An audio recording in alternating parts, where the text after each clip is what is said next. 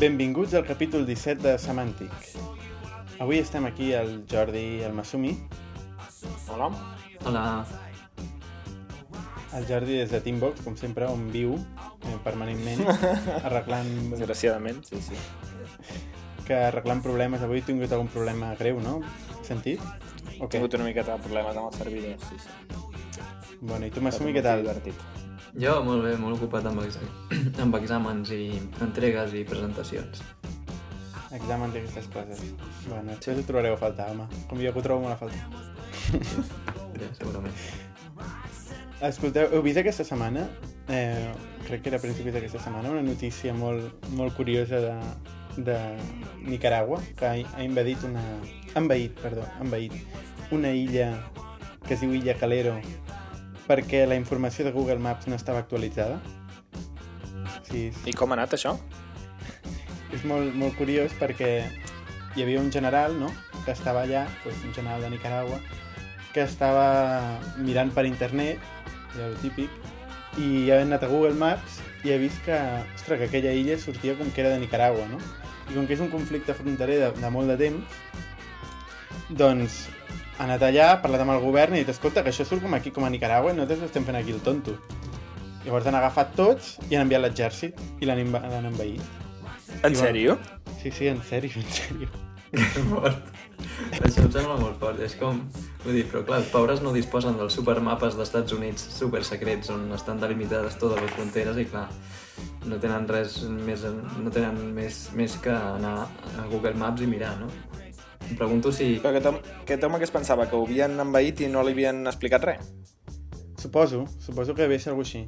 No, no, sabia que no, no ho havien envaït perquè precisament per això ho ha envaït ell. No, Sí, espero no, no no. entendré res, però bueno. La qüestió és que és un conflicte, és un conflicte a llarg termini d'aquesta illa i Google Maps, com que li interessa molt ensenyar a les grans ciutats on té molts clients fins al més mínim detall i va actualitzant les pàgines, però zones més pobres on no hi ha tant accés a internet les deixa descuidades, doncs va agafar una base de dades de, de la, de, del Ministeri de no sé què d'Estats Units d'on va treure aquesta informació i això va desencadenar aquest conflicte internacional. Després va demanar disculpes i a l'Organització d'Estats Americans eh, va dir que, bueno, que, que no, que allò no, no era així, no?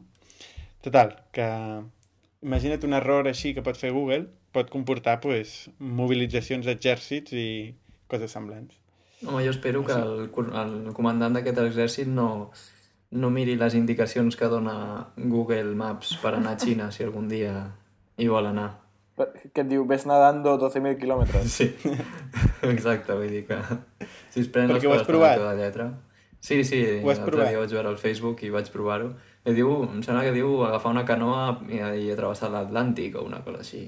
Si poses als Estats Units et diu això, et diu nadar no sé quants mil quilòmetres i després agafar un altre cotxe i no sé què. Així no passa res. Literalment diu nadar? Sí, sí, diu nadar. Literalment. Però això on? A posar- Google Maps? A Google Maps? Barcelona, sí, poses Barcelona, Nova York... Com dius a pie, dius a pie. Sí, sí. Ah, mira. Està bé, Sí, sí. està bé. Molt útil. Molt útil, molt útil. Home, d'aquí poc integra integraran un cercador de vols o alguna cosa així, et posaran el més barat i te'l deixaran comprar i coses d'aquestes. Però no avancem esdeveniments. Caram, tens informació privilegiada, Masumi? No, no, què va. Jo el que no entenc és per què triga tant en oferir un servei bo de... Com es diu això? Turn by turn navigation? Eh, Uh -huh. corba... No, gira, gira. Navegació Sí. gira-gir. En fi, Com el TomTom, vaja. Exacte, com el TomTom. Per què, per què no ofereixen això? Algú m'ho pot explicar? Mm, home, per oferir això Que no haurien de haurien d'oferir-ho, vols dir, en, per exemple, en un iPad o un iPhone o en l'Android. Clar, eh? com una aplicació més, com totes les que tenen. Quin problema hi ha? Ells ja tenen cartografiat tot. Tenen, ells ja et guien, perquè si tu mires et, pues et surt en el mapa. Només t'han de dir Sí, dreta, faig- esquerra, esquerra, sempre. Sí, sí, Sí, però no està clar, no està clar el que et diuen. Em sembla No, que la precisió... vegades- És un problema de precisió que tenen amb els seus mapes. Això em recorda quan vam anar als Premis Bloc, que el Jordi, que estava conduint, que estava conduint m'estava cridant a l'orella tota l'estona perquè no interpretava bé aquestes senyals. em deia, dona'm, dona'm, mira el que ho diu claríssim. Així vam arribar a un estat d'estrès allà, que no m'estranya que no haguessin guanyat. Si arribem a arribar... Sí, perquè escollen els premis depenent de la cara d'estrès que fas Sí. quan entres per la porta. Sí, sí. Fan una foto i llavors ja li donem una o una altra. Però bé, anem una mica endavant. Tenim Rescue. Rescue. Tema del Jordi, Rescue. Rescue. Sí, és teu. Sí. Rescue és... Aviam, què és? Rescue és un sistema per processar tasques asíncrones que ha fet un home que es diu Chris Wanstrath, o Defunct, que és el fundador de GitHub, bueno, un dels dos fundadors de GitHub, i, i és, un, és un programa que està fet amb Ruby i que et permet que qualsevol tasca que no vols fer síncronament perquè doncs és molt feixuga. Per exemple, si tu estàs parlant d'una aplicació web o d'una aplicació que l'usuari, ni que sigui d'escriptori, està esperant una resposta i has de fer una cosa que triga 4 segons, en comptes de tenir l'usuari esperant 4 segons, acabes la petició i li dius he començat a fer això, ja t'avisaré quan estigui, i segueixes fent la resta.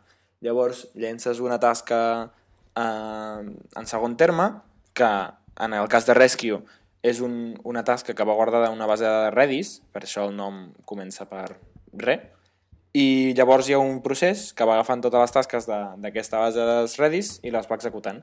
La gràcia de Rescue, mm, davant d'altres opcions com podrien ser doncs, Delete Job, que era el més famós que hi havia abans, que va crear un, un home que es diu Toby, creador de Shopify, és que Rescue està basat en Redis, que és molt ràpid per fer lectures i escriptures, i que no tens problemes de bloqueig com tens quan fas un accés a una, a una fila d'una base de dades MySQL, per exemple, si dos processos tu pots tenir més d'un treballador, més d'un procés treballador. Si dos accedeixen exactament al mateix moment, pots tenir un, un conflicte, una, una race condition, que vol dir que els dos arriben al mateix moment. En el cas de Redis, com que tens lectures atòmiques, això no et passa.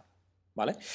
I, I bé, està molt bé, sobre té una interfície web per anar monitoritzant el que està passant, el, els fallos que hi ha hagut, el quantitat de, la quantitat de tasques que ha executat cada, cada procés treballador, etc. que és una aplicació en Sinatra, i és collonut, és molt fàcil d'instal·lar, és rapidíssim, vull dir, suporta afegir milers de tasques així sense cap problema, i a sobre té molts plugins que estan molt bé. Per exemple, un que es diu Rescue Status, que et permet, si tens una tasca molt gran, que aquesta tasca vagi enviant informació. Per exemple, si una tasca que dura una hora perquè ha d'importar els teus 1.000 contactes del Google, que cada 10 contactes enviï un senyal dient ei, ja porto 10 contactes, ja porto 10 contactes. I així, si l'administrador de sistemes o qui sigui, pot anar veient com avança aquesta tasca i sap si s'ha quedat penjada o si va avançant o si acabarà avui, demà o demà passat, etc.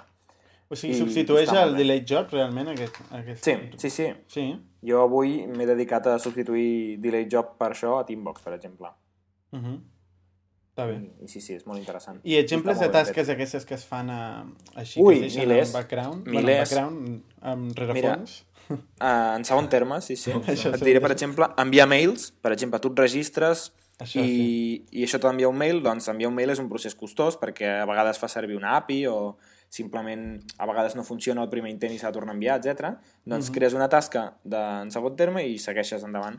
Un altre procés és que tu penges una imatge i la vols processar amb Image Magic per crear un thumbnail, una miniatura, doncs tot això també ho pots enviar a Delete Job. Cert. Si tu fas servir el que, el que s'anomenen hooks, per exemple, que la teva aplicació emeti hooks, significa que quan tu crees una activitat, per exemple, imagina't a Facebook, no? Que quan tu crees un comentari a Facebook, Facebook enviï un hook, que significa que es comunica amb una URL determinada per dir ei, el Bernat acaba de posar aquest comentari al seu, al seu, al, a la seva pàgina, vaja. I llavors això serveix per tenir sincronització en temps real amb altres aplicacions i ara està molt de moda. Doncs com que l'usuari, de fet, quan tu poses un comentari i t'importa un pepino si el hook s'ha enviat o no, el que fas és crear-la també en segon terme i ja es farà quan pugui, que com més aviat millor, però tu no t'has d'esperar per això. Hi ha altres proce- eh, exemples que és processar eh, PDFs, PDFs. PDFs o, o uploads o fer l'índex de la cerca, anar regenerant l'índex. Uh -huh. Mm, Per exemple, nosaltres fem mm, analítiques, que significa que agafem dades d'usuaris, número de projectes creats i tal, i creem un gràfic que envia queries de SQL molt complexes, doncs això, en comptes de fer un moment, enviem un delay, bueno, una tasca, en aquest cas, que es va fent i quan està feta ens avisa i veiem el gràfic. Uh -huh. I tot el que és comunicació amb APIs també ho fem així, perquè són processos lents i que normalment no, no tenen res a veure amb la request que els genera, sinó que no passa res si estan fets dos segons més tard, que és el que s'acostuma a triar com a molt en un cas d'aquests. Eh? Vull dir, que estigui fet amb un, amb un procés d'aquests no significa que s'hagi de fer al cap de mitja hora. Simplement significa que tu no t'esperaràs per veure com acaba. Ja. Quan, tant, quan tot pugui, que quan es pugui. Clar, quan es pugui. Pot ser, I la majoria de vegades en base, en base a què? Amb l'ocupació de, de CPU o... No, això és per, agilitzar, per, per reduir Però- feina del procés síncron. El procés síncron és que tu fas clic a, a la pàgina inicial de Twitter i vols veure els tuits ja. Val? Sí, però- Llavors, Però quan s'executa? O sigui, quan, quan s'executa? S'afegeix a una cua Exacte. i llavors tens un treballador que va buidant la cua. I quan es queda buida, agafa el primer, el primer element que troba i, i el processa. O sigui, s'executa instantàniament quan un treballador està lliure. I llavors es tracta de que tinguis tants treballadors com necessitis. Si és una aplicació petita amb un ja en tens prou, si és una gran potser necessites 3 o 4, un treballador per cada tasca. Per exemple, nosaltres tenim un que només es dedica a fer mails, un que només es dedica a, a generar... Mira, per exemple, una, un altre cas molt important, a generar dades d'una importació o exportació. A Teambox hem fet que puguis exportar totes les teves dades amb un fitxer JSON per si vols tenir una còpia de seguretat local, perquè en tot el tema del, de les, del cloud a la gent a vegades li, li empenya una mica que totes les seves dades estiguin per ahí i no les puguis mai tenir tu, no? Doncs hem creat una cosa que et genera un JSON, un fitxer, on tens totes les teves tasques, comentaris, converses, etc en un sol fitxer. Doncs generar aquest fitxer és molt costós, evidentment.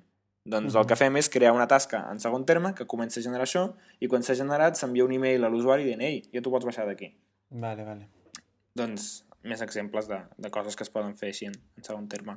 Sí, explicaré, després explicaré un tip and trick que fa, que fa servir una cosa molt similar. Sí? No avanço esdeveniments. No t'avancis, no t'avancis. Mm, D'acord. Doncs això és Rescue, us recomano molt per si teniu una aplicació en Ruby, perquè si no, no val la pena barrejar sistemes en general, però et serveix per fer qualsevol cosa i, i m'ha agradat molt com, com està implementat i, i lo fàcil que és d'utilitzar i lo potent que és. Mm, Vale. Ens ho apuntem. I tant. Mm, jo volia parlar d'algun terme que és més, més front-end, o sigui, no és tant de, de Ruby o de workers per aquí i per allà, que és de CSS3, bàsicament, que, bueno, mm, cada vegada que van sortint coses noves o que els navegadors van anunciant suport a una nova, una nova característica de, de CSS3, pues és algo interessant, no? Sobretot pels que ens dediquem a, a, bueno, a, interfície, a crear interfície gràfica o a o sigui, interfície web, etc.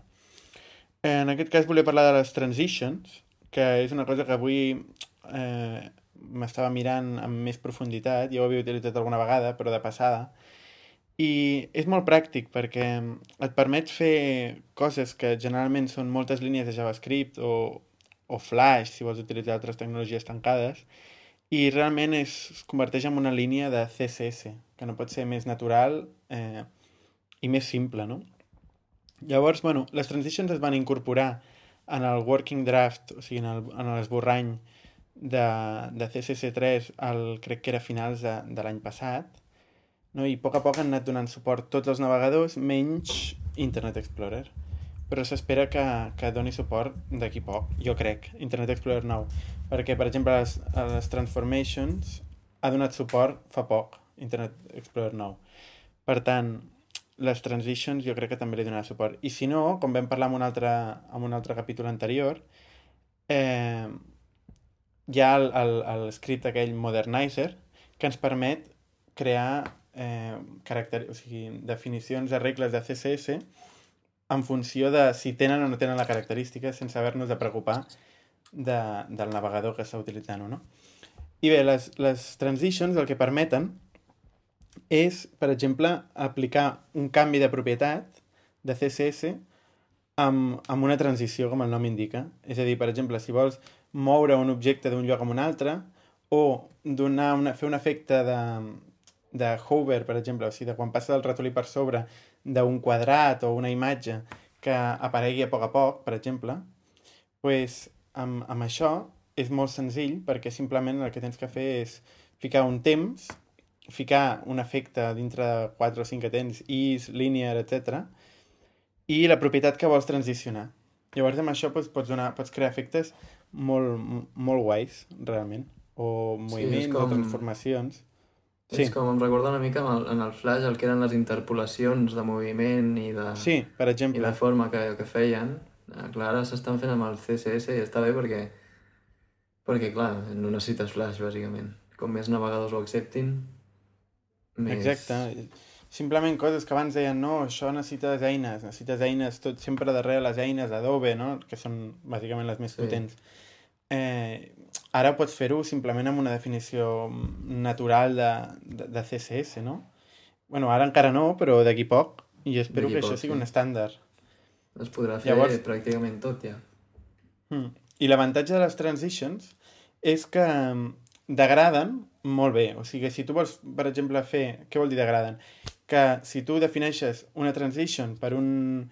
per, per tots els navegadors i arriba un navegador que no, no, pot, no pot veure, doncs no se li veu malament, no se li desmunta, no se li... simplement no veu aquell efecte i punt. Normalment són coses per fer bonics, són coses per, per adornar, no? Sí, està Llavors- bé això, perquè que no et destoroti tot el que ja estàs muntat perquè, perquè vingui un nou Exacte. navegador on no funcioni, no? Exacte. Hi ha altres, hi ha altres propietats de CSS3 que són, per exemple, les transformacions en 3D, això, que també bueno, ho he estat mirant, i, i això sí, si, si, si tens un navegador que no és compatible amb això, doncs plega, perquè no, no Ja. se't veurà res. No? No ja. sé, s'està apostant moltíssim per aquests efectes de CSS3. En, en el working draft aquest, els, els que firmen la majoria d'aquestes implementacions, són Apple i, i Mozilla, menys, menys gent, però la majoria són enginyers d'Apple. I de fet es pot veure l'aposta d'Apple per, per, per al JavaScript i pel CSS3. Si, si us fixeu en l'última pàgina que han dissenyat de MobileMe, que és, crec que la pàgina és mi.com, només aquesta, la pàgina de login et dona una idea de, de el que es pot fer, no? Amb això. Vull dir, amb el, bueno, amb el CSS3 i amb, i amb les últimes implementacions de, de JavaScript també, no? Sí, ho estic veient ara. déu nhi Un nuvolet que fa efectes curiosos. Sí, si us fixeu, bueno, ficarem links de l'especificació de les transition, però val la pena mirar-s'ho si algú es dedica a dissenyar, a fer interfície gràfica per la web, eh, perquè és molt, molt útil, molt útil i, i, i molt guai. Sí, Bueno, continuem amb aquest. Sí. Continuem amb altres temes. Masumi, següent tema de Sí. Gmail, seguretat de Gmail. Sí, una mica parlar de seguretat, no? Perquè no sé vosaltres què penseu en... Jo crec que un usuari mitjà, bueno, un usuari normal d'ordinador, li poses, va per internet, li poses el, jo què sé, li poses un navegador, comença a navegar por ahí, i jo crec que la que veu és com, un, com una inèrcia, una atracció, com la gravetat. La que veus un, un camp de text on posa usuari i un altre on fica password, hi ha com una tendència a omplir-ho. Perquè normalment estàs buscant, un, estàs intentant aconseguir un objectiu, no? Estàs, jo què sé, per, per veure això has de, has de registrar-te o has de donar-te d'alta o t'has de, eh, t'has de loguejar amb les teves dades de no sé què. Bueno, doncs hi ha una certa inèrcia o gravetat o com li vulguis dir i la gent cau molt en aquests tipus de paranys, no? Llavors... Sí, no falla, no falla. Això és el típic que fèiem quan érem petits, fa molts anys, evidentment, per enganyar els nostres amics, no? I, per exemple, jo, nosaltres teníem un, un, una comunitat, un, un fòrum, i allà la gent sempre ens passàvem el dia, no? Tot el meu grup d'amics ens passàvem el dia allà connectats. I, I una vegada, per fer una broma amb un, li, li vaig fer sortir un pop-up amb, un, amb, amb la compte del, del Gmail, bueno, o no sé, era Hotmail, no? En aquella època era Hotmail, Sí. amb la pàgina de Hotmail igual que l'altra, que la- que l'oficial, sense que ho estigués buscant, sense que estigués mm, en cap moment tingués la més mínima intenció de connectar-se al mail, va trigar menys d'un segon en introduir ella les seves dades i enviar-me per mail la, la seva contrasenya, no? És, és curiós, és curiós. I, Sí, doncs... I en cap moment s'hauria imaginat, o sigui, jo li vaig dir, però tio, que m'acabes d'enviar la teva contrasenya. Li vaig dir a l'instant, No. evidentment, no, no, no estava fet amb malícia. Va dir, Ja. què dius, què dius? Impossible, Això digue-li impossible. al jutge. Eh? Això digue-li al jutge. Bueno, no, Xut. no, no em va passar res, en aquell cas concret. Altres En qualsevol casos cas- ha pogut passar. Digues, en digues. qualsevol cas, eh, vull dir, quan un cop, un cop eh, algú té en poder les teves dades, eh, se suposa que, bé, si són... Si és algú que vol utilitzar-ho amb malícia, i per exemple t'ha robat les dades del Gmail, pot entrar al teu correu i sense, en principi, almenys fins fa un temps, sense que te n'adonis, pot anar periòdicament consultant el teu correu, revisant el que fas i tenir molta informació sensible sobre la teva vida. I ara que vivim molt en el correu és molt important ser conscients d'això. I no sé si coneixeu, hi ha una funcionalitat bastant oculta al Gmail que és, bé, la safata d'entrada baix de tot, on hi ha una línia on diu, on diu quina ha estat l'última activitat del compte, és a dir, sí. quan ha estat l'última vegada que s'ha entrat al teu compte i, i des d'on. Et dius, bé, si és des d'aquest mateix ordinador, des de la IP que sigui. A més, hi ha un això link... ho vaig fer servir un cop quan sí. van robar els portàtils a l'oficina. Ho van fer servir com a prova per demostrar en quin moment s'havien endut el portàtil i per comprovar si s'havien connectat des d'algun altre lloc per robar-nos els passwords i aquestes coses. Sí, és que realment és, està molt amagat però és molt útil perquè a més sí. pots, pots obrir, eh, bueno, hi ha un link just al costat on veus una llista de l'activitat recent de les últimes hores d'on han estat les últimes connexions i et surten com una taula i cada fila, si, si la connexió segueix activa, és a dir, si algun cara t'està mirant el correu o el té obert, et surt un asterisc com, dient, com indicant que allò està actiu. Llavors, des d'aquella mateixa finestra pots tancar la sessió totes les sessions que no siguin la que tens oberta en aquell moment des d'on estàs tancant-la. I això és molt útil, sobretot si, si sospites que algú t'està mirant el correu o, o fins i tot sí, sí, sí, algú, sí. no sé, algú no té per què ser algú que tu hagi robat, pot ser algú que t'estigui fent una broma, algú que, que el té obert a casa seva i que l'obres a la feina i l'obres aquí i se't queda obert allà i no ho saps, però mirant això I te'n pots adonar. Diria que fins i tot et diu el client de correu o el que sigui que s'està fent servir, no?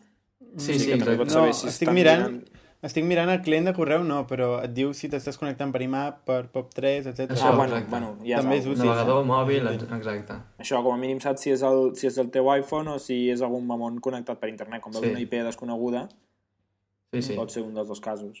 I llavors, bé, en, en, el cas extrem és que mm, en aquesta llista aparegui un, una connexió molt, molt estranya i, per exemple, des de, que de sobte t'entri algú des de Xina i que tu al mateix temps estiguis eh, connectat des d'Espanya. Eh, en aquests casos, Gmail el que fa és directament enviar-te un mail avisant-te d'aquesta activitat estranya i per tant fins i tot els usuaris que habitualment no, no, que no saben que existeix aquesta funcionalitat doncs els avisen de, que, hi ha, que se sospita d'alguna mena d'activitat estranya. Caram. I bueno, això és del que, pel que fa Gmail, no? Però hi ha altres, hi ha altres serveis com, com Facebook que si per exemple vas a l'estranger i et connectes, bé, està aplicat perquè, perquè si algú et roba el compte i es connecta des d'un altre lloc, mm, t'aparegui. Però pel que fa al cas, si tu te'n vas a un altre país i et connectes al Facebook, eh, detecta que t'estàs connectant des d'un lloc que no és habitual i et fa, et fa una mena de test. Et posa unes fotos i t'assenyala i, i, et, i et fa un requadre a la cara de la persona, teòricament, que has de reconèixer. O sigui, et, fa com, et passa set fotos de set amics i et diu, en aquesta foto, aquesta persona qui és? I tens com uns, una, una, uns botonets on pots dir qui és. Llavors, si falles més de 5, em sembla, o no, com era? Si, si no n'encertes 5, o una cosa així, crec que en podies fallar dos, doncs no et deixa entrar al compte fins al cap d'una hora. Tornar-ho a intentar. Si tornes a fallar, et torna a prohibir i cada cop és més llarg el temps d'espera. I és curiós perquè, el... clar, hi ha molts amics que de vegades posen una foto de, no sé, una cervesa. Una foto d'una cervesa i comencen a etiquetar gent. I és possible que en aquest test d'identitat et posin una foto d'una cervesa i et diguin, aviam, quin és aquest amic teu? I sí, casualment... Però, però no és, no és el, la foto de perfil? No, no, jo em pensava que era la foto de perfil, però no, no. És qualsevol foto. I, i és molt fort, clar. I estava llegint gent que deia que gent que estava en contra i motius pels quals estaven en contra i no se m'havia acudit un motiu que, clar, si ets sec directament no, no... Vull dir, és totalment inaccessible això. O sigui, tu estàs te'n vas a França, ets una persona cega, te'n vas a França i et diu qui és aquest amic teu? Directament no pots saber perquè no hi veus. Fa servir Facebook amb un lector de pantalles i els lectors de pantalles encara no identifiquen a persones. O sigui que jo crec que és una cagada bastant gran. S'hauria de pensar una altra manera més, no sé, més accessible i més fàcil. I m'estàs dient que la gent etiqueta llaunes de cervesa amb noms de persones? Sí, sí, sí. És una... És una... Sí, Però la mira, gent hi ha ho unes de fa- cervesa encara, encara. Jo el que no, no suporto són aquestes macro-invitacions o... No invitacions. Per exemple, felicitacions de Nadal, que fiquen, no sé, algú, Ah, sí. un cursi, un osset o alguna així, i, i Sí. els agafa per etiquetar tots els seus contactes en aquell osset, no? Sí, I, pues, I a més a l'època vegades... de Nadal et, et sortiria, si te'n vas a França a l'època de Nadal, et sortiria pues, ossets, arbres de I no podes Nadal... entrar mai. No podes entrar mai. M'arrepenteixo molt de no tenir Facebook ara mateix. Ai. No et preocupis, ja t'en- ja t'enviarem una, una invitació, home, tranquil. Ah, home. Ja has notat. Això és l'altre. Totes les xarxes socials d'aquestes bombardejant contínuament amb invitacions de la gent Sí. que inconscientment, per exemple, el meu pare, el meu pare m'en- m'envia invitacions contínuament sense saber-ho i quan li dic es fica molt nerviós. és molt bo. Però bueno. En fi. Bueno, això és... Per avui en tenim prou de seguretat. no, Siguem interessant, conscients. interessant de saber-ho el tema. Sí, sí. Per cert, eh, una cosa que no té res a veure, però que té mínimament a veure, sí. Dropbox. Sí, què té a veure? Jo t'ho anava a dir ara. Sí, sí que té a veure, sí que té a veure. Que no sé si us heu fixat que Dropbox ha tret una cosa que li pots donar informació teva o recomanar-lo o afegir-lo al Twitter i al Facebook i llavors et regala un giga d'espai. O sigui, bueno, així per la cara. No, no per la cara. Això és el que sembla en un primer moment. Però després t'adones que no, no és tant per la cara. Resulta que t'ensenya... És que ara, clar, ja, ja ho he fet i ara no, no em sortirà, no? Vosaltres no ho heu fet, això? Jo no ho he fet, Dropbox- digue'm com, com es fa. La- L'adreça és dropbox.com barra free, no? Barra free. Llavors dius, oh, aconsegueix, amb, amb quatre tonteries, aconsegueix un giga, no? Llavors et va ficant coses que has de fer i que per cada cosa et dona 128 megas. Ah, ja Ara ho veig, sí. pr- Diu, primer connecta amb, amb Twitter. Twitter. Sí. Dropbox amb Twitter. Llavors, clar, dius, bueno, això tampoc és... No, Trampa mortal. no pot passar res, no? Llavors diu, després connecta-ho amb Facebook. I, bueno, tampoc passarà res. I després segueix a, a Dropbox al Twitter. Vale, va, per seguir-lo tampoc passa res. I el seguir, em sembla més. I, i després diu, et diu, és molt, és molt boix, et diu, digue'ns què et sembla Dropbox. T'agrada Dropbox?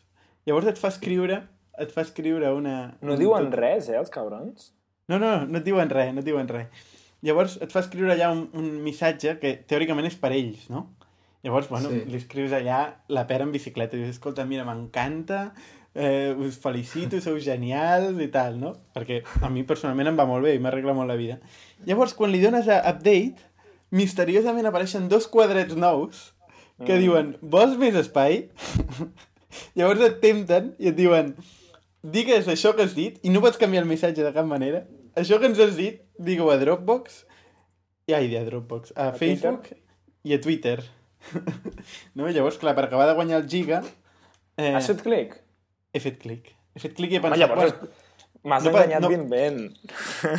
sí, però he pensat, no passa res, perquè Però ho borraré immediatament no? de Facebook i Twitter. Eh? Tens Perdó? un giga més, llavors? Sí, tinc un giga més. Te l'han donat ja. Tinc un giga més, però a canvi d'haver fet una mica el ridícul en tot el meu Facebook i Twitter publicant les mil meravelles de, de Dropbox que a sobre són sinceres, Ah. no? Perquè almenys, almenys és sincer però no ho I em hauria ficat que ho havien mai. fet així sense avisar-te. No, no, no, no, no, no. Jo he clicat, he clicat Ah, amigo. per acabar de tenir el giga. I clar. Acabo de veure que pots canviar el missatge, com a mínim ara. A mi em deixa canviar el missatge. Ah, a mi no m'ha deixat canviar el missatge. Surt En un sèrio? llapicet petit al costat del missatge. Ah, sí? Ho estic, ho estic fent mentre tu ho expliques, però no ho penso fer igualment perquè no penso spamejar els meus followers, els meus milions de followers amb això. Però escolta, però tu, tu, no, tu no tens Facebook, com ho pots fer? No, he fet Twitter. Ah, només amb Twitter. Ah, o sigui que jo només he guanyat un, dos, tres, pues 500, 512 amigues. Bueno, no està mal, no està mal. He fet la meitat. Total, Doncs- no ho faig servir tot. O sigui, Jo estic fent ara, però... Jo estic fent ara, però sabent això que has dit, aniré ràpidament a tot arreu a esborrar la meva publicitat gratuïta. Però sou uns- No, però si jo ho he fet, ho he fet No rapidíssim, siguis jo. Ho he fet rapidíssim. I Però això queda als feeds. Ai, Digues, digues. No, que això queda als feeds, vull dir que per molt ràpid que vagis, la majoria de, de lectors ja ho agafen, perquè com que fa servir l'API push, no, no hi ha tutia, Exacte, vull dir. exacte, aquest és el problema. Que tothom m'està ratllant, encara ara estic rebent mails de gent que m'està dient tio, per què spameges tant amb Dropbox? per què t'agrada tant? Què, què et paguen o alguna cosa? I que, que es pot preguntar quina ha estat la teva frase pilota? No, no, no, no, no es pot preguntar. Oh, No es pot La preguntar. podeu buscar. veure, no? Per cert, això dels feeds em recorda, em recorda el meu push, els meus sis push de l'altre dia, d'un commit que vaig fer que, que volia arreglar i volia deixar-lo bé i vaig matxacar un push en sis vegades. I com que normalment treballem amb repositoris privats, no treballem a GitHub, després a GitHub se- no se'm va ocórrer que, que també ja s'estava fent un feed. I em va començar a comentar el Jordi, rajant-me com sempre, dient-me que què faig fent un push sis vegades. Voldràs dir fent crítica constructiva i sol·licitada. Totalment constructiva i sobretot totalment sol·licitada. vale. Aviam, bueno, continuem, continuem avançant. Jo volia Eh. recomanar, abans d'anar tan lluny, que hem anat molt lluny, se m'ha passat que hi ha un, un podcast que es diu The Changelog, que és en anglès i és sobre tecnologia. Com diu el Bernat, són coses friquis com les que explico jo o encara més friquis. I, i us el recomano molt a qualsevol persona interessada en Ruby o qualsevol o coses modernes de Python, Git, etc perquè és molt interessant.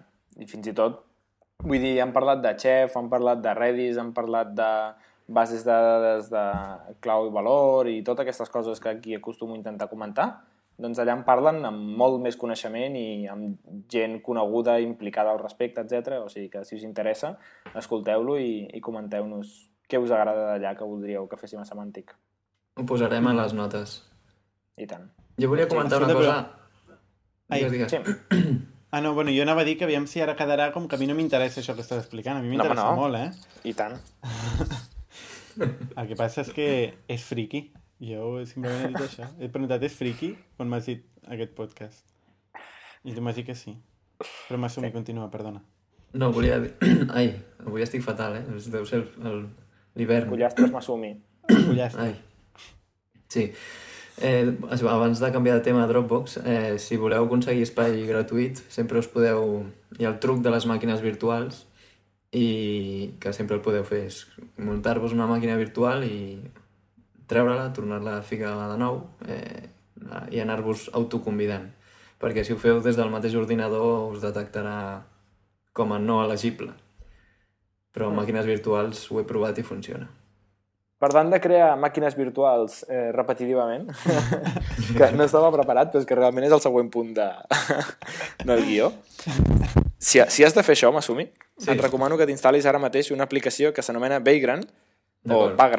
Depèn de com ho vulgueu pronunciar, que Vagrant. és una eina de línia de comandes per gestionar màquines virtuals. Vale? Llavors es basa en VirtualBox, que és un, un sistema de màquines virtuals d'open source mm, desenvolupat per Oracle, que també l'ofereix com a versió comercial, amb suport i tota la pesca, però és open source i està molt bé.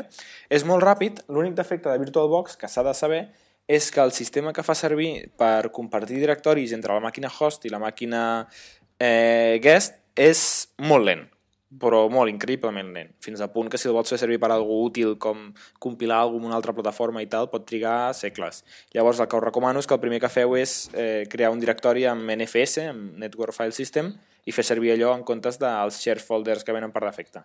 Vale? Si voleu fer alguna que tingui a veure amb el rendiment, eh? si és així patxanguero no, no ve d'aquí. Però realment la- es nota molt eh, aquest guany. I, i llavors, com us deia, Vag- Vagrant és una aplicació que està escrita en Ruby, però no té res a veure, vull dir, no, no tens per què saber de Ruby per fer-la servir, és una, una eina de línia de comandes que un cop tens instal·lat VirtualBox et permet crear una màquina virtual a partir d'una imatge de CD que tu tinguis por ahí, fas una, una comanda, es baixa la imatge de CD si no en tens cap, d'un repositori que tenen ells, i s'instal·la i te l'executa i et dona accés SSH si és, o sigui, si, si és Unix et dona directament una consola SSH root dins de, dins de la màquina virtual sense que tu hagis de, de, hagut de tocar el mouse o, o haver fet una línia més que, que la mínima de crear una màquina virtual. Llavors, l'avantatge que té això a part de que pots deixar-ho fent mentre fas altres coses, que està totalment automatitzat, és que pots crear-te un script per, per exemple, fer això repetitivament, com, si, com el que deia el Masumi. Et Eh. podries fer un script que et creés això, eh, et creés un nou compte de Dropbox, t'afegis els afiliats, matés la màquina virtual, et creés una altra i així 20 vegades. Vull dir, realment això és un script que el pots fer amb, amb 15 línies. Per exemple, una altra cosa que, que és molt útil i és per lo que ho faig servir jo, és per fer servir Continuous Integration en diferents plataformes. Per exemple, si tu vols provar que la teva aplicació funciona amb Ubuntu, amb MySQL i amb Ruby 1.8, doncs crees una màquina virtual amb, una imatge de CD d'Ubuntu i instal·les els paquets aquests que he anomenat, instal·les el teu software, el proves, tanques la màquina. Crees una altra màquina, instal·les, ara en comptes de MySQL proves PostgreSQL i en comptes de Ruby 1.8 proves Ruby 1.9, corres el mateix test, veus si passa i mates la màquina. I tot això pots fer un script també de 15 línies que et foti tot això que si, si no fos per Vagrant seria complicadíssim de fer i bueno, gairebé impossible, no? perquè automatitzar això si no seria, seria un infern. I està molt bé, la veritat és que és collonut i per mi la millor feature que té és que incorpora suport natiu per Chef. Chef, ja ho vam explicar un dia, és un sistema per configurar mm, sistemes des d'un un, que s'anomenen receptes, de manera que tu fas una recepta que és servidor per la meva aplicació. I el que necessito és MySQL versió tal, Ruby versió tal, Git versió tal, i aquestes quatre directoris amb aquests permisos, i llavors tu això ho escrius primer uns fitxers de configuració, l'únic que has de fer és escriure un comando que et crea una màquina i executa tot això, i saps que quan s'ha acabat d'executar ja ho tens tot muntat. Doncs Vagrant ho incorpora, i per tant la combinació de Vagrant i Chef és brutal. Et fas un, un, unes receptes de Chef i amb dos línies de comandos doncs, pots fer això que he dit, no? de provar 10 configuracions diferents de, de sistemes i provar el teu software en elles. Sí, està molt bé això, per, sobretot per això que dius. I aviam si puc mirar això de l'script per tenir els 10 gigas que es I poden tant. aconseguir amb Dropbox. Home, ah, eh, I aquí és capaç de fer el Masumi, eh? Aprendre Chef. Només per fer això. Home, seria curiós si fas la recepta de Chef, penja-la a GitHub, que segur que més d'un la farà servir. Sí, els de I Dropbox em penjaran. enfonsaràs a Dropbox, de pas. Sí, exacte. Vale. Doncs sí, sí. Eh, ah, per cert, ha sortit el iOS 4. iOS 4.2, no? M'assumí? Sí, sí, sí. Ho havies apuntat Bàsicament, els que, els que teniu tenen un iPad, directament poden dir que a partir d'avui en tenen un, un de nou, perquè realment han afegit tot el que li faltava a l'iPad, com multitasking, les carpetes i totes aquestes coses. Han afegit Per què també... dius teniu? Que algú de Eh? vosaltres té un iPad? Eh, jo no. He dit, he dit els que Jo, jo, teniu... tinc, jo tinc tres, tres iPads. Tres, Tens jo... iPads, caram. Sí, un cada mà i un, i un amb el peu també l'utilitzo. Em referia a l'audiència, amb teniu. Teniu, tenen, no sé. Eh... Eh, No, no, curiositat. I bé, una altra cosa que han afegit també és això, una cosa que es diu AirPlay, que és que pots reproduir Oh. a la teva Apple TV el que estiguis veient amb l'iPhone. Per exemple, tu estàs a l'iPhone veient una pel·li al metro i arribes a casa, doncs la continues veient a l'Apple TV eh, per streaming de l'iPhone a l'Apple TV. I bé, si ets un superpijo... Només amb Apple una TV, clar. Sí, Sí, sí, sí. sí. Si ets un Si superpijo tens que un- té Apple TV i tot això, Box, doncs... Si tens box i box, per exemple, res, no? No, clar. mm, Que Que és sàpiga, infinita, una cosa que infinitament més pràctic que, que l'Apple TV, per cert. Mm, Continua, perdona, no perdona. sé. No, digues, digues. Eh, No. I llavors, bueno, també una altra cosa que han afegit és el, bueno, una cosa que ja hi era, però era de pagament dins del servei aquest de Mobile.me que ofereixen, és el Find My iPhone, iPad o iPod Touch, perquè clar, abans era Find My iPhone, però és Find el que sigui. que és bàsicament... Mai que sigui. Mai que sigui, sí. Eh, és bàsicament un... un... Bé, si et roben l'iPhone, doncs pots anar al navegador del, de qualsevol ordinador, entrar amb el teu compte a MobileMe i veure en un mapa eh, on està el teu iPhone. I perseguir-lo com si fos una pel·li de Hollywood, amb una pistola i disparant a les rodes del cotxe. O pujant a un taxi i dient, siga ese cotxe. Coses d'aquestes. O En, en quin més pur de estil. Hollywood. Està bé. Bé, i a part d'això et permet també això del Find My iPhone, també et permet eh, esborrar tot el contingut de l'iPhone. Si el dones ja per perdut o si creus que està en males mans, esborres tot el contingut, el bloqueges, pots fer tot des del des del, des de l'ordinador de casa, pots No enviar una missatges, perquè, enviar perquè sons... torni... Ah. No, això encara no. Perquè Però torni, ja. sur- surtin unes putetes i, i vingui corrent cap a tu, no? Això no, encara? Això encara no, però aviat. Ah, vale. A L'iPhone a l'iPhone esperaré. 5 ho incorporarà. De totes formes, el que comentava abans, que, bueno, evidentment, Steve Jobs està 24 hores controlant allà tots els seus, tots els seus seguidors, no? Tu- Sí, sí, clar, abans d'anar a dormir, abans d'anar a dormir mira el mapa i diu, ah, mira, aquest està aquí. Sí, sí, sí. Aquest està aquí. Tots aquests estan aquí, infinites Sí, persones. ai, mi- mira el Bernat, mira el Bernat que fa avui. Exacte. Sí, sí. Efectivament.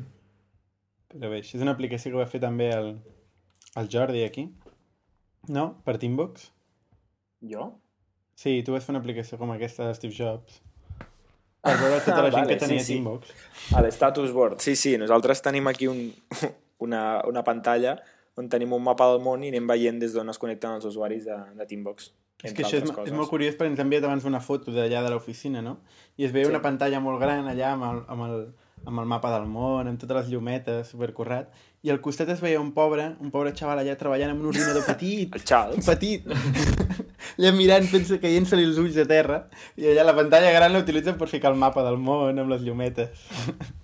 Sí, semblava una oficina de l'FBI, de l'FBI de Teambox. Teambox FBI. Sí, sí. Avui ha entrat abans una persona i diu, esto parece la NASA. I, pues, va, pues vale. És l'efecte de la pantalla aquella. Aquella pantalla... Sí, bueno, una pantalla amb el mapa del món es veu que impressiona molt. Molt, molt, molt, molt. Jo també em va impressionar quan vaig anar. No, tu no ho has vist.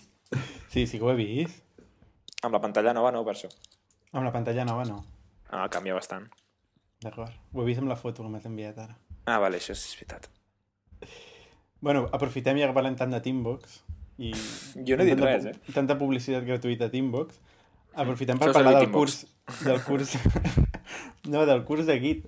Del curs Sí. de Git que farà Teambox, no, Jordi? Sí, sí. La setmana que ve, divendres de la propera setmana, que si obro el calendari veuré exactament quin dia és i quedarà una mica més sèrio això, eh, oferirem un, un curs de Git, és dia 3 de desembre, a la nova oficina de Timbos, que és carrer Gran Via 515, i farem un curs de Teambox, ai, perdó, un curs de Git, que tothom ens que vulgui venir ens colaran un curs de Teambox. Vaig estar- No, no. El Això ja ho, han fet, ja ho han fet abans, però aquesta vegada no. un curs de Git que considerem que és molt útil i volem que tothom que no ho està fent servir ho faci servir perquè realment és, és una eina collonuda i, i combinada amb una plataforma com GitHub doncs és ja el somni de qualsevol desenvolupador. doncs oferim un curs que en principi per, per venir-hi no, no s'ha de pagar res, per tant és lliure d'assistència i mm. la gent quan surti pot escollir el que vol pagar, si és que vol pagar alguna cosa, si els hi ha agradat o si els hi ha semblat útil o si creuen que els hi aporta alguna per la seva empresa o per la seva feina o el que sigui. I bueno, cobrirem tot des de Teambox... Ai, ui, vale, estic... És que treballo moltes hores, Està perdoneu. obsessionat, està obsessionat. Sí, sí, porto a l'oficina des de les Ens- 10 del matí i són les Ens 12 de la nit, espamejareu, quasi. ens espamejareu. El No, no. teu subconscient t'està traint aquí. Aquell dia ja descansaré. no, doncs des de Git bàsic, inicial, per la gent que no ha fet servir mai, fins a trucs eh, avançats i coses que considerem que són superútils i que en general ens ha ensenyat el Mislav tot el temps que ha estat aquí, que és un, un, un geni del, del Git també, per variar. I bueno, segur que, segur que és útil, o sigui que qualsevol persona que li interessi, que vingui... Sí, a- en 3 en hores, en 3 hores Sí. passarem de, de no tenir ni idea a Exactament. ser Mislavs de Git, no? Ah, bueno, Mislav no crec, però gairebé. I, i, Eh, El que no confirmeu jo sessió? amb la... Amb... Perdó? Ai, Que no, que no m'he que dit el que no estaria bé que- jo. Ai, perdó. Hem d'establir m'assumi primer. Digues tu, digues tu. No digues tu, digues tu. Val. No, jo dic que, que estaria bé que, que ho gravéssiu o d'alguna manera, perquè clar, jo me'n vaig de pont, però m'agradaria molt, molt anar-hi. No sé Que si... estàs algú- parlant del pont, tu, ara. eh, doncs és una bona idea, lo de gravar-ho. La veritat és que Streaming, mirarem streaming. aviam... Bueno, Sí. clar, però streaming és una cosa i gravar-ho és una altra. Streaming Sí. també, si algú vol, també ho podem fer. Però gravar-ho també, tu, perquè un cop ho hem fet, ho pengem por ahí i així que la gent se'n pugui aprofitar. Sí, Però sí. m'assumi seguirà des del seu iPhone. No, perquè Ah, seré a l'avió, si no ho faria. I... Ai. Però no, no hi ha un avió d'aquests que tenen wifi? La Vueling encara no. Encara no. No. Però has d'aixecar has d'aixecar el braç per canviar de canal o... o... bueno, això fa referència a un anterior capítol que el Massum explicava les interfícies dels avions. Molt interessant, per cert. Bueno, I- eh, estàvem dient que el curs aquest de Git serà divendres que ve, no aquesta setmana, sinó la propera, dia 3 de desembre, i que en el Twitter de Teambox o en el meu o en el del Bernat o potser en el de Semantic, ja farem retuit perquè si hi ha la URL allà, confirmeu l'assistència si, si voleu venir, així sabem quanta gent hi ha i si, si hem de posar més cadires o menys. Vale? Molt bé. Molt bé. No, jo el que anava a dir abans és que amb, amb els mesos que porto barallant-me amb, la, amb la nostra dissenyadora perquè entengui Git bé, avui en 3 hores, amb aquest curs, escolta, hora en un llum. No? Segur. Sí, això sí, espero, això espero. i tant. Si no, tornem als diners. Vale. Perquè hi ha l'opció de que ens paguin pel temps que hem perdut. Si primer pagueu, sí. Val, val. Si primer pagues, jo després et pago. Està bé, O em està bé. pegues. També, eh? També, vale. Això sí em fas Eh, malament. Per cert, eh, ara anava, anava a tancar Per- ja el bloc d'avui. No, anava a tancar el bloc d'avui, però m'acabo de recordar d'un tema que, que m'he deixat, que és una, un, un projecte que havia trobat por ahí, que he pensat, ostres, segur que al Jordi li encantarà parlar-ne, que, que es basa en, en, en Node.js, amb, bueno, ho hem, hem parlat alguna vegada, és un framework I- de JavaScript pel servidor, Sí? I, i bàsicament el que et permet és fer una xarxa SETI. No sé si algú se'n recorda de quan... No sé si es fa encara. Vull dir, Va haver una època que estava molt de moda el tema de la computació mm, distribuïda per intentar-se comunicar... No, per què era? Per desxifrar freqüències extraterrestres, no? Massumi, tu vas ser un Sí. membre partícip del projecte SETI? Era Jo això, no? ser un, un membre actiu. Era, sí, era un, era un projecte... era un projecte de, bàsicament, fer...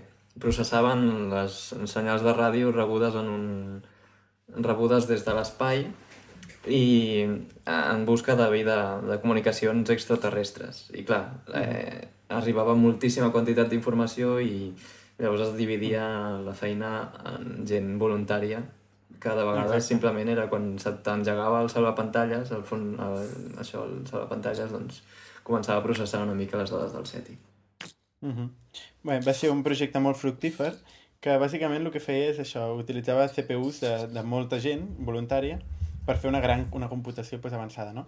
I bé, res, simplement un projecte que es diu eh, Map Crowd Reduce que ha sortit, bueno, que està a GitHub, ficarem la, la nota, i serveix per fer això a nivell casolà, qualsevol persona, eh, utilitzant aqu aquesta aplicació i que, bueno, bàsicament permet per mm, utilitzar diversos ordinadors o gent que vulgui cedir part de la, de la seva CPU per fer computacions. No, Jordi, tu que ets més expert en Node.js? Bueno, sí, això és el que he explicat abans, més o menys, de repartir la feina, és el que s'anomena map reduce, que és la- l'estratègia de dividir una feina en trossos petits, repartir-los i després juntar el resultat, que també s'anomena dividir, dividir i vèncer i coses així, mm. però en el cas del map reduce està com orientat a tasques així computacionals. I, i el tema del Node.js bàsicament ho fan servir perquè així comparteixen un, un codi que és el que gestiona per la banda del servidor com es reparteix la tasca i com s'ajunten els resultats i per la part del client com es computa realment l'operació. I la gràcia de que estigui fet amb Node.js i, i amb aplicació web és que només cal que vagis una, una URL per començar a treballar. I, i per tant, Sí. realment la instal·lació no, és, no pot ser més senzilla. El tio que ho va fer Exacte. ho va, ho va demostrar en una conferència, va muntar el seu servidor amb una tasca que normalment li trigava 15 minuts i va dir a tota la gent que hi havia a la conferència que entrés amb una URL i deixés el navegador obert. I aleshores va aconseguir fer la mateixa tasca en 20 segons, perquè 50 persones van entrar-hi i això, bueno, 15 minuts eh, són més o menys, no, són, digues, són 900 segons i, i 50 persones durant 20 segons són 1.000 segons, o sigui que amb res, amb, amb un 10% més de temps, en total va fer la mateixa tasca, tot i que el temps acumulat real van ser només 20 segons. No sé si s'ha entès això últim, però... Sí, sí, volem Sí. dir Bàsicament- el 10% estava destinat Exacte. a sincronització i Exacte, comunicació. i això. exacte. Però en total va passar de 15 minuts a 20 segons per fer la mateixa tasca. I, Clar. i és bastant impressionant. Uh -huh. I- i era tan senzill com obrir una URL. De, de la sala. Clar, però era tan senzill com anar a una URL, no Sí, sí, instal·lar sí, sí. res, ni, ni això és la gràcia d'aquesta implementació. M'ha- sorprès bastant, ho trobo molt útil. Uh -huh. Veus? Jo sabia que t'agradaria això. Sí, sí.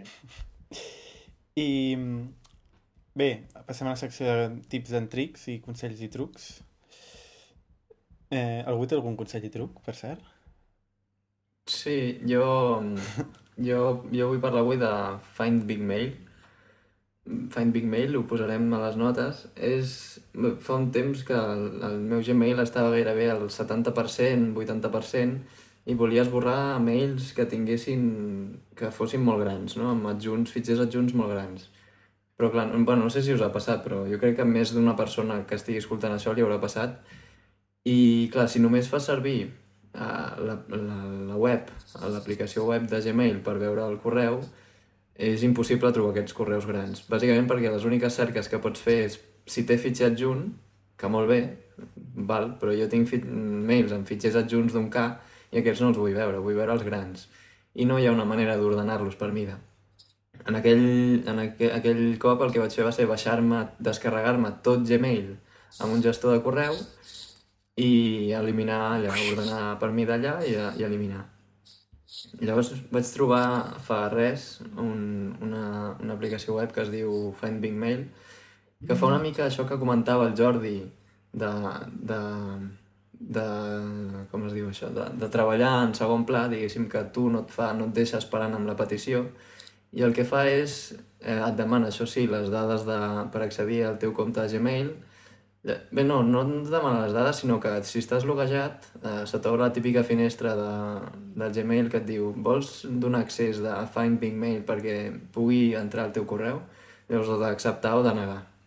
Bé, en el cas que acceptis, el que fa Find Big Mail és crear-te tres etiquetes a dins del, del correu amb mails de més de no sé quants megas, mails de no sé quants megas, mails de no sé quant, més de no sé quants altres megas i durant, no sé, crec que en un procés d'entre entre 15 minuts i una hora, que és un procés allò que quan acaba t'arriba un mail, doncs et va emplenant, la, et va etiquetant els correus segons si són grans.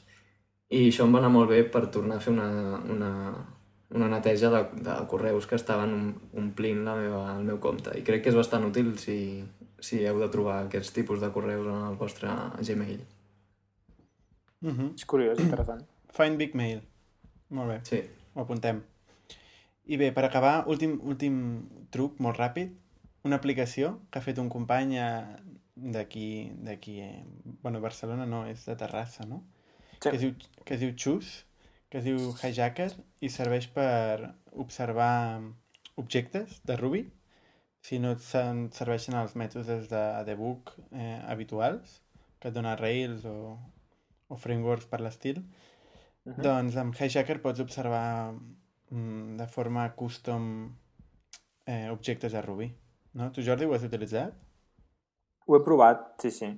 I, i és això que has dit tu. Bueno, és, és un consell i truc molt, molt, molt específic perquè serveix per debugar objectes de Ruby, que no, no és una cosa que s'acostumi a fer diàriament, ni tan sols si ets un programador de Ruby, i com és el cas, però, però està bé perquè bueno, et fa servir Distributed Ruby per, per enviar senyals del client al servidor o del hijacker a, a l'observador, o no sé com l'anomena, i Mhm. significa això que tu executes un programa i llavors li pots dir que et vagi mostrant amb, amb un altre port tots els accessos que es fan amb un objecte o amb una classe o, o amb una instància d'aquell objecte. Mhm. I està bé, és curiós. Jo crec que és més un experiment que una cosa així superútil, però, però bueno, ni que sigui per, per provar coses curioses, està bé que, que algú li faci un cop d'ull. I tant. I ho deixem aquí, portem ja molta estona. Recordeu de seguir-nos, com sempre, al Twitter, twitter.com barra semanticpodcast, eh, el mail, que és podcast arroba semantic.cat. Mm, gràcies a tots els que ens heu escrit i que, en, que dieu que us agrada el podcast. És un... Bueno, és, ens fa il·lusió que ens ho digueu, perquè no imaginàvem que ens pogués seguir gent i, bueno, s'agraeix molt. I res, ens veiem d'aquí dues setmanes. D'aquí poc actualitzarem la web. Eh, una de les coses que podrem fer és ficar un compte enrere per quan surt el següent podcast. I així Ah, també sí? ens obliguem a nosaltres mateixos a, a Això seguir. ho va recomanar algú, no?, si no m'equivoco. Sí, alguns ho ha comentat. Alguns ho ha comentat. No, no Ho intentarem fer. I res, Fins la setmana que ve. No, fins aquí dues setmanes. a reveure.